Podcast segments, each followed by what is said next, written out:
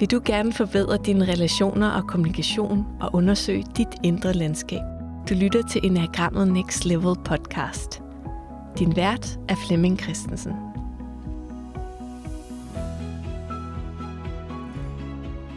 Jeg er Charlotte Heje Hase, og jeg står her med Flemming Christensen, og vi er i gang med serien omkring typernes udvikling.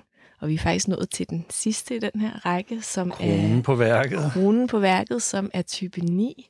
Og øh, ja, vi skal tale lidt om dens normal tilstand, kan man sige, og det nye normal, når man har gået igennem, øh, taget livtag med nogle ting, der er udfordrende.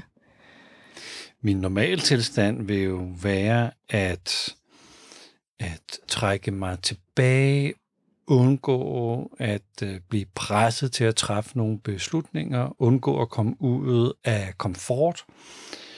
Og på en eller anden måde handler det egentlig om at undgå noget. Undgå at blive overrumplet, undgå at komme ud af mine vaner, undgå at komme i kontakt med verden, undgå at miste noget. Så på en eller anden måde har jeg sådan en omvender. Og jeg laver øh, en masse arbejde for, for øh, en organisation, som arbejder med unge mennesker, og jeg møder måske en tusind unge mennesker om året. Og jeg laver træning i de her typer for de unge mennesker. Når jeg taler med niere, så vil de jo gerne vide, sådan have lidt guidning. Men jeg bliver nødt til at spørge dem om, hvad de ikke har lyst til. Så de vil for eksempel så ikke arbejde i zoologisk have. Det vil de så ikke. De vil heller ikke øh, arbejde på en, oliebær, en olieboreplatform. De vil heller ikke arbejde inde i centrum af en by. De vil heller ikke øh, arbejde med unge mennesker. De vil... Så det der med, det vil jeg ikke. Det er jo noget møjsomligt, når man skal igennem den der bog. Hvad kan du blive? Og så hive de sider ud, som jeg ikke har lyst til, og så håbe på, at der er en 3-4 stykker tilbage, som jeg så har lyst til. Og det er egentlig sådan mit, mit liv i en nødskal, at jeg ikke rigtig sådan 100% har fundet min stemme. Forstås på to måder. Min stemme, hvis jeg skal stemme for noget, og min stemme, hvis jeg skal sige noget. Så på en eller anden måde, så, øhm, så håber jeg på, at problemerne går over. Og mange siger, at mens jeg ventede på, at problemerne gik over, så voksede de så bare større og større. For mig selv, og måske endda også for mine børn. Jeg har grusomme oplevelser med nier, som har fortalt, at de egentlig holdt ud i familien, selvom det faktisk gik enormt meget ud over dem selv, men skræk, skrækkeligt ud over deres børn. Så der skal et eller andet, som regel noget voldsomt udefra, før jeg trækker mig ud af det der meget, meget komfortable. Altså lige nu får jeg et meget mystisk billede frem. Men, men jeg hørte engang om en gut, det er nok en vandrehistorie, men lad det nu være. En, øh, en gut, som havde levet i, de, øh, i, i, øh, i den finske vildmark det meste af sit liv. Han var så blevet syg og skulle på hospitalet. Og der måtte de allerførst klippe net under trøjen af ham, fordi den mand var måske 50, men den han havde på, tog han på øh, sidst, da han var i starten af 20'erne. Og der havde hans hår vokset sig ud igennem net under trøjen. Så for at få kontakt til, til, til det, der de skulle arbejde med, hvor de simpelthen klippe, barbere, mm øh, de må ligesom et former, de jo klippe, klippe alt det her af, af manden. Og det er egentlig sådan et, et billede på, øh, på, på nierens liv, at, at ting gror, jeg gror ind i noget, noget gror ind i mig, jeg gror fast, og jeg skal sådan smerteligt flås op med rode eller med hud og hår. Øh, og, og det har ligesom været det, der har skubbet mig til noget. Mange gange, når vi holder, holder workshops, og vi sådan spørger, hvem er så nier i lokalet, og nierne sådan markerer, og jeg så spørger dem, jamen, hvor gammel tror I bliver? Så er der altså nogen, der siger 130. Vi er i hvert fald over 100. Mm. Så hvis nu jeg tror, jeg bliver 130, og jeg har hele livet foran mig, så behøver jeg jo ikke at træffe nogle beslutninger endnu. så jeg har altså en fornemmelse af, at det nok skal gå, at hvis jeg holder vejret, så går det også. Øh, der er masser og masser af tid til at beslutte det, der skal besluttes. Så der er en eller anden træhed i min normale tilstand, som man også kunne kalde øh, komfort. Så jeg vil helst ikke have, at min hverdag bliver rocket. Min partner kan jo godt komme til at rokke mig, eller derfor børn kan jo godt komme til at rokke mig. Men ret hurtigt får jeg så øh, etableret en, en ny rutine eller en ny vane, som gør, okay, så har vi også styr på det. Så er der også ro på den lille, den lille øh, disturbance, der lige pludselig kom i mit liv, at, at få børn, som jo nok er en stor disturbance for rigtig, rigtig mange mennesker, den, den får jeg lige gjort sådan mindre og overkommelig øh, som nier. Så hvis vi sådan skal, skal gå ind og se på, hvad det er for noget, de skal igennem, mm. så skal jeg så rives op med rode. Der, der skal være noget, hvor jeg tager fagtag med livet. Jeg arbejder med et, et, et, et testsystem, hvor folk kan teste, hvilke menneskelige kompetencer de har, og i hvilken blanding. Og balance er en af dem. Og så har den her testvirksomhed også undersøgt de her 18 parametre, der nu er. En er balance, og en er at banke team op, en er at udvise integritet, en er at komme i mål med det, jeg sætter mig for, osv. osv. Der har man så undersøgt, hvad er relationen mellem integritet og det at komme i mål, eller det at komme i mål og banke et team op. Og så der er nogle korrelationer mellem de her forskellige. Og nogle, øh, nogle fyrer hinanden op, og, og nogle lægger en dæmper på hinanden osv. Men for balance vedkommende, så slukkede balance for alle de andre kvaliteter. Okay. Så, så det at, at have balance, og ikke vide, at man bliver nødt til at bevæge sig lidt fra side til side. Man bliver faktisk nødt til at være aktiv og vågen for at holde balance. Hvis vi er ude på cykel, så ved vi godt, at vi bevæger os fra den ene side til den anden side. Men det er det, der skal til for at holde balancen. Og når vi kommer hen ved lyskurven, og vi ikke kører, og vi står fuldstændig stille, så er det svært at holde balancen. Og det er den der, jeg forsøger at gøre. Jeg forsøger at have hele mit liv hen ved lyskurven på cyklen, og forsøger ikke at bevæge mig, men stadigvæk ønske om at have balancen. Så det må betyde, at jeg får nogle ordentlige klodser under pedalerne, jeg får en masse støttepæler op og støttehjul, og måske sætter jeg cyklen op på noget, så den, så den står sådan i hvert fald er helt urokkelig. Og det er den der urokkelighed, jeg skal ud af igen. Jeg skal ud i livet, jeg skal ud og bevæge mig. Og ja, træde ind i konflikten. Mm. Gå, gå derind og være en del af at løse den konflikt, som jeg nu er en del af. Hvordan kan man som nier træde ind i konflikten? Hvordan, hvordan starter det? Ja, det er sørme et godt spørgsmål. Det, som jeg, det er de her folk, som jeg har interviewet, de har fået sådan en flad udefra. Altså, livet har stukket dem en flad, ikke? Manden er skrevet, øh, noget skrækkeligt er sket, de har måske mistet barn, eller de er blevet fyret fra, fra deres arbejde, eller de selv er blevet syge, eller sådan et eller andet. Så de fleste har talt om, at der kommer noget, noget udefra.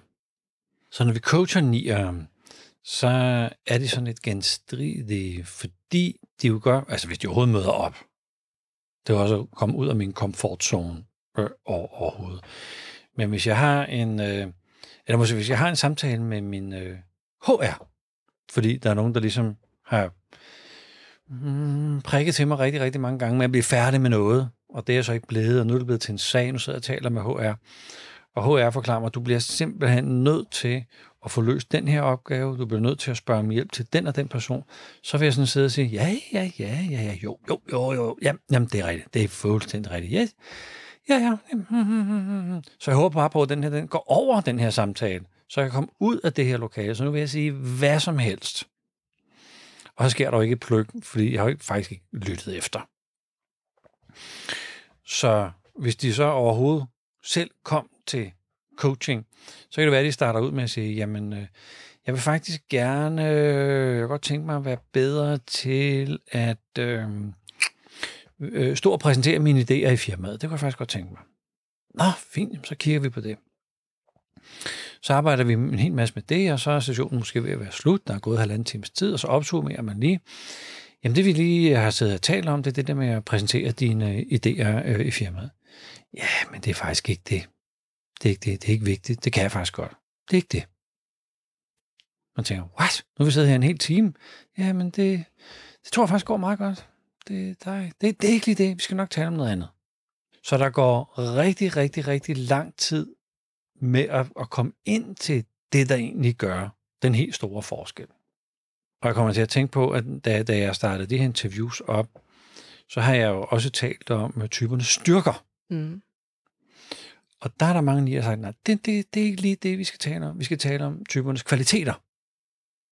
Fordi det der med at være en styrke, der lå nærmest i, at det er forpligtet. Og en kvalitet, det forpligter ikke. Det er bare noget, man kan spille ind med. Så den der forpligtelse, nogle gange så leger jeg lidt med, at folk, der ikke ved noget, de kan ikke tage et ansvar. Så folk uden viden kan ikke tage et ansvar. Men folk, der har viden, er nu forpligtet til at tage et ansvar. Det, det er ikke godt for mig, hvis jeg er nier. Så derfor vil jeg ikke vide noget. så, bliver jeg jo lige pludselig forpligtet. Det har jeg ikke lyst til. Så jeg har ikke lyst til, at der er nogen, der kommer og har sat et eller andet op, som gør mig forpligtet til noget. Så det, der sker i min nye normal, det er, frem for ligesom at tjekke ud af livet, så træder jeg ind i livet. Og det er nærmest en fysisk bevægelse. Man kan nærmest se, se på dem. Jeg har i mange, mange, mange år kendt en fantastisk skøn øh, nier, som øh, ikke har haft det nemt. Og her så øh, forleden sad jeg på en café, og så kom hun cyklerne forbi, sådan ud med armen og hej, hej, og hvor går det? Og hun skulle videre til noget andet. Men den der livsglæde, hvor jeg faktisk er i bevægelse. Jeg sidder her på min cykel, jeg er på vej igennem byen, igennem livet. Jeg kan mærke det. Det er blevet efterår. Yes! Så, så, der, så der kommer sådan noget livskraft derinde, fra hvor jeg egentlig før har været sådan lidt en mumitrol, der har gået sådan og du, du, du, du, du, du, du håbet på, at hele livet gik over.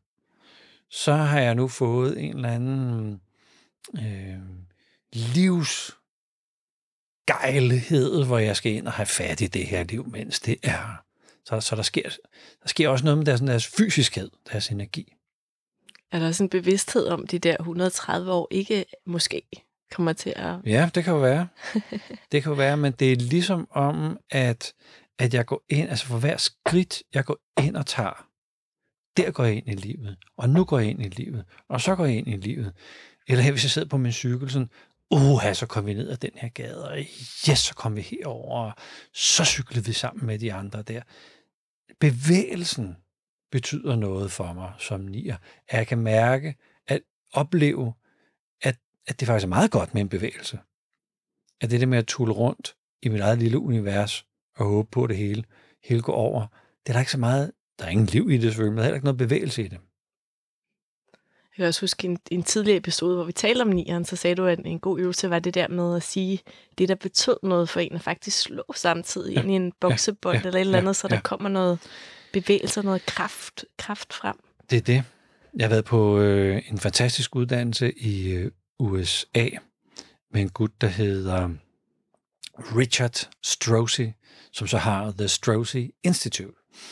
Og det han, øh, han er sådan en aikido-mester, og det han, øh, det han træner, det er, at han bruger hele kampsporten til at komme i kontakt med det, der er vigtigt for mig. Og 8 og 9 og 1 deres sådan dybe, dybe, dybe, dybe, dybe emotionelle øh, tone er vrede. Vrede bruger vi til at finde ud af, er der noget, der er vigtigt for mig, eller er det ikke vigtigt? Så hvis jeg kan se dig, at du har lyst til at komme over og tage noget, der er mit, så kan jeg lige vise tænder, jeg kan lige lave løvbrøl, så du ikke går og tager det, der er mit. Fordi jeg er tosset, det skal du ikke røre ved. Hvad tænker du på? Så vreden er fantastisk. Vreden er rigtig, rigtig svær at få frem, når jeg tuller rundt øh, derhjemme. Går og hygger mig, sidder i min, øh, i min massagestol derhjemme og ser en eller anden øh, svensk-polsk øh, øh, serie på øh, 12. serie, og ligesom er fortabt i det, øh, mens der stadigvæk ligger sådan lidt popcorn på gulvet fra de sidste år, jeg har siddet i den her stol, og, og ligesom håbet på, at livet det gik over. Der er ikke så meget vrede i det. Det er svært at blive vred, når jeg sidder der. Vrede skal have noget bevægelse, vrede skal have noget krop. Det, der er vigtigt for mig, skal have vrede, skal have krop, og jeg skal ud i livet. Så det der med at slå på noget, om det er en boksebold, eller mine hovedpuder hjemme, eller øh, tage nogle raske skridt og gå ud og mærke, hvad er det, der er vigtigt for mig, det får jeg gennem kroppen. Så genvejen, eller tippet, eller den invitation, vi skal komme med her til nier, det er at komme ud og få brugt kroppen. Komme ud og få adgang til livet gennem kroppen. Jeg har hørt nogle nier begynde at træne sådan noget klatrevæg hvor jeg bliver nødt til, jeg bliver faktisk nødt til at finde noget vrede. Jeg bliver nødt til at være lidt tosset. Jeg bliver nødt til at, at mønstre noget, noget energi, noget kampgejst. Jeg kan selvfølgelig gøre det i et langsomt tempo, fred være med det, men hvis jeg skal derop af, ja, man kan sikkert ikke holde sig selv på sådan en klatrevæg særlig længe, så man må jo ligesom bevæge sig, eller gå ned, eller gå op, eller gøre et eller andet. Der er der mange øh, af de her nier, som har sagt, det kan altså et eller andet for mig. Jeg, jeg kan mærke, at jeg er i live. Ja, så den nye normal hos nieren her, det er at træde ind i livet, være til stede i kroppen, ja. udtrykke sig. Med noget fysisk, og noget nysgerrighed, og noget engagement. Og den her påpasselighed med at fortælle om det indre, er blevet til en, øh, et engagement sammen med andre mennesker, hvor jeg lige pludselig fortæller, hvordan jeg har det. Det kan godt være, det i starten er sådan noget, noget mærkeligt noget med, øh, jeg er faktisk sådan lidt øh, anspændt lige nu. Øh, jeg har noget, jeg skal til om en times tid. Jeg skal bare lige være sikker på, at jeg kan nå det. Øh, så nu er det på bordet, nu ved du, hvor du har mig. Det at få, den, få det ud af mig, frem for at det kommer lige pludselig som en overraskelse, at jeg skal ud af døren så, så har jeg ligesom, jeg har lanceret det, der foregår ind i mig til dem, jeg er sammen med, så jeg er tydelig at være sammen med.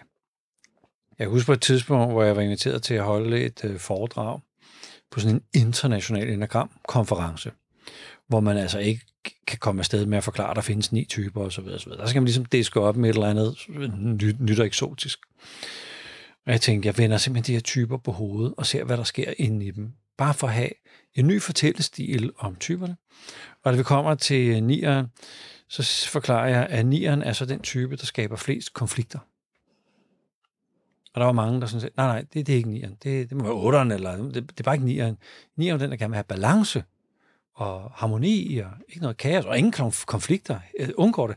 Så, nej, nej, det var i gamle dage. Nu skal jeg bare høre, hvad den nye teori er. Den nye teori er, at nieren er den, der skaber flest konflikter fordi vi ikke ved, hvor vi har dem. Hmm. Når vi ikke ved, hvor vi har folk, laver vi historier om dem, og vi udstøder dem. Dyret inde i os alle sammen, hvis vi var en flok, og der kom en helt fremmed ind i flokken, som vi ikke vidste, hvem var, så må vi slå dig ihjel. Eller sende dig videre til den næste flok, som måske vil have dig. Men uanset hvor kikset, kvaret, bøvlet den nye er, Bare vi ved, hvor vi har dig, så kan du komme med i flokken. Den her ting, der sker i andre mennesker, at vi faktisk har lyst til at overse nieren, eller udstøde nieren, eller håbe på, at nieren faktisk går over. Øh, det vækkes i, i, i os andre. Og det var faktisk, øh, selv for garvede enagramfolk, var sådan en, det er der faktisk noget om. At det det med ikke at melde ud, skaber Altså en psykologisk usikkerhed. Så det er jo noget, der er i mit, øh, i, i, min nye, i min nye normal. Det er, at jeg melder ud, hvordan jeg har det. Det kommer ja. ikke ud som brok, eller piv, eller ynk, eller noget som helst. Du, du får bare sådan lige at vide, hvor du har mig. Og hvad kræver det at få den der net trøje af, hvor hårene er groet godt ind i? Ja. Altså, øh, og, og hvordan kan man sige, det er anderledes for toren, som også har, skal blive, blive stærkere på tydeligheden og finde ud af. Øhm. Ja, toren skal blive stærkere, skal blive stærkere sin tydelighed på sine værdier. Hvad er vigtigt for mig? Og nu skal du høre, jeg har brug for, at du hjælper mig med noget. Kan du ikke hjælpe mig med det her? Jeg har noget, jeg ikke kan klare alene. Det, det er ligesom toerens øh, lektie. Nierens lektie er i, i bund og grund bare at fortælle dig, hvordan jeg har det. De ved det godt selv, eller hvad? Ja, ja. Jeg ved godt, at jeg er lidt nervøs, og jeg har et møde her. Ja, nu er det jo om 45 minutter. Så på en eller anden måde, så strammer tiden. Og, øh, men du ved det, så når jeg går her om et lille øjeblik, så har vi ingen problemer med det. Jeg har i hvert fald ikke lavet nogen konflikt. Og jeg er ikke forbavset nogen. Det er ligesom sagt på forhånd. Så, så jeg er mere transparent. Og i bund og grund, resultatet er, at du ved, hvor du har mig. Ja. Jeg er tydelig. Men det er ikke som, som toren, at, at jeg skal udtrykke noget, jeg har brug for, eller der er noget, der er vigtigt for mig. Det er ikke værditilgangen, det er mere tydeligheden.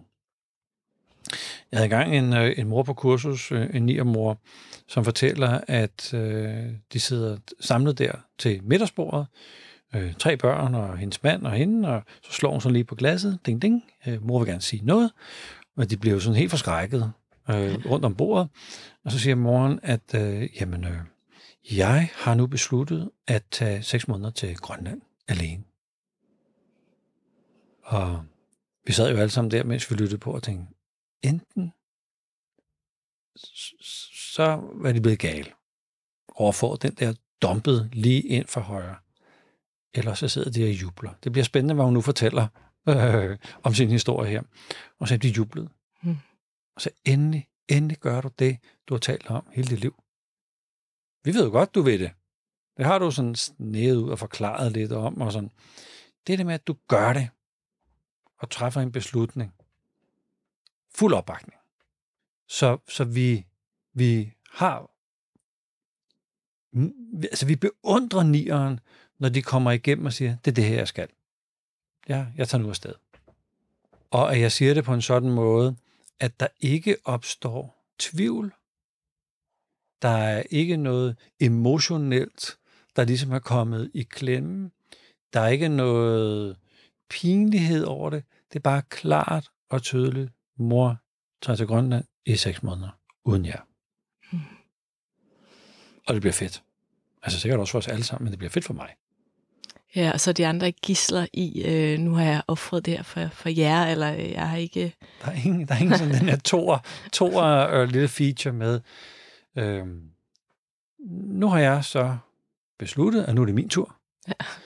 Ja. Øh, og der er brug for, efter alt hvad jeg nu har gjort for jer, at øh, jeg også på en eller anden måde, og jeg har selv sparet op, øh, så I skal slet ikke være bekymret over, at jeg også bruger jeres penge, men øh, mor tager nu til øh, Grønland, fordi jeg fortjener. Altså det, det jeg har virkelig, jeg har virkelig, virkelig brug for det, og jeg har sikkert sagt det til jer rigtig, rigtig mange gange, at jeg har brug for det, jeg har brug for det, nu kommer det, nu har jeg brug for, at jeg tager, at man tænker, rolig nu, rolig, der bliver simpelthen smurt for tyk på. Det er bare ikke det, vi ser hos nieren. Mm. Den, er, den er simpel, elegant, klassisk smuk. Og der er også, altså det du sagde før med, det den måske den mest konfliktskabende, hvor den er jo kendt, øh, Nian, som er meget fredselskeren for eksempel. Ja, ja, ja. Øhm, og jeg har en, en rigtig, rigtig kær ven, som, som nok bor lidt derovre, som, som tit siger, hvis der er et eller andet, hun ikke vil, så siger hun til mig, nu må vi se. Ja. Altså det er ikke nej, eller det er nu må vi se. Og jeg ved jo, jeg kender hende jo. Jeg ved, det er et nej. Ja. Klart nej. Ja. men altså det, det er jo kun fordi, du ja. ved alle de år. Øhm, men, men der er også en, altså en, en sjov ting, hvor jeg kom til at tænke på det, da du sagde det der med, at, at hun har præsteret at, at ringe op og sige, kan du ikke holde din fødselsdag den og den dato? Fordi så kan jeg sige til en anden invitation, jeg har fået, at det kan jeg desværre ikke. Så i stedet for at melde ud, jeg kan ikke, eller jeg har ikke lyst, ja. som er for svært. Ja. Så at sige, kan, vi finde, kan jeg finde noget andet, jeg faktisk skal? Og det skal være Altså, det skal ja, reelt finde sted. Ja, ja, ja. ja, ja. det er jo lidt, ja. det er jo en sjov... Øhm, ja. Og det, det, der kommer jeg også til at tænke på det, du siger med tydelighed, fordi så bliver jeg jo selv også faktisk nervøs for, hvornår er et nej, øh, jeg skal noget andet i virkeligheden, en anden aftale, fordi at det ja, jeg fik, eller ja. måske, det, det, det ja. holdt ikke, ikke? Så ja. det er ret fint, når det er, man når dertil. Jeg kan sige, jeg har simpelthen ikke lige lyst og humør til at være med til din fødselsdag den her gang. Tak for invitationen. Mm. Det kan sikkert siges totalt clean og sweet, uden at den anden tager skade af det, eller føler sig dårligt til pas. Og det er det, jeg har lært. Så de nier, jeg har talt med, de har den der meget tydelige, øh, også kropsligt tydelige, her sidder vi, her får vi en snak. Jeg ved det ikke. Nu tænker jeg bare sådan, øh, og det, det er Flemmings øh, lille tilgang. Master Fatman. Mm. Jeg synes, han var tydelig. Han var meget, meget tydelig i, at han ville æde sig ihjel, eller i hvert fald æde sig stor, ikke? Og det var det, jeg gjorde. Det var sådan, det var. Der var noget, jeg sætter pris på. Det er livet. Og der, der kører vi altså nogle flødeskumskager ned, når vi, når vi sidder og har interview sammen. Jeg var meget ligesom, afklaret med det. Både det, at der nok også var en konsekvens med, at man, man, man tog bussen lidt, øh, lidt tidligere end planlagt. Jeg ved ikke, om han, øh, om han decideret var type 9, men der var noget type 9 over det, noget afklarethed. Og det er det, man bare tænker, det er smukt. Mm, Det, det, det er til, at, til at, jeg, jeg kan handle på det, jeg kan være med det, det er til at tage og føle på. Så den nye normaltilstand for nieren, det er faktisk den her tydelighed og, Ja. Og fysiskhed. og fysiskhed. Og Ja. fysiskhed. Ja. Det er ligesom landet nærmest i min krop igen. Det er ikke bare sådan et hylster, jeg skubber vrede ned i og gemmer. Nej, jeg er her, jeg bevæger mig, jeg er tydelig. Alle de skridt, jeg tager, der træder jeg ind i livet, og ind i livet, og ind i livet. Og vi har jo været lidt rundt om, hvad man kan gøre, som er noget med den her med kroppen, og komme ned i den og bevæge dig. Noget vejrtrækning kan Noget man starte med. vejrtrækning, ja. øh, bevæge sig, sætte ord på. Øh, ved man lige, om alle mennesker nu lige har adgang til at komme ned i et, i et center og slå på en, øh, på en boksesæk. Men så kan man gå i skoven, så kan man, øh, så kan man klatre, så kan man være på sin cykel. Og det der med at få sat ord på, at jeg er i bevægelse, det gør noget godt. Så det jeg gerne vil sige højt til nogen, måske til mig selv. Sig det højt, mens du er ude at cykle. Jeg synes, det er, en, øh, det er et rigtig fint sted at slutte den her serie omkring at træde ind i livet, som jo egentlig gælder for, for alle typerne. Altså Ja. træde ind i livet, være tydelig, og, og også det, du siger med, at du er relation til, det kan så være sine følelser, eller sit indre liv, eller du er relation til de mennesker omkring dig. At der, er, der er i hvert fald noget, de har haft til fælles igennem det her gennembrud, kan man sige. Så det der med at stå, stå ved bredden af floden livet og kigge på, at det flyder forbi. Ud, ud i floden, ud i livet, ind i livet.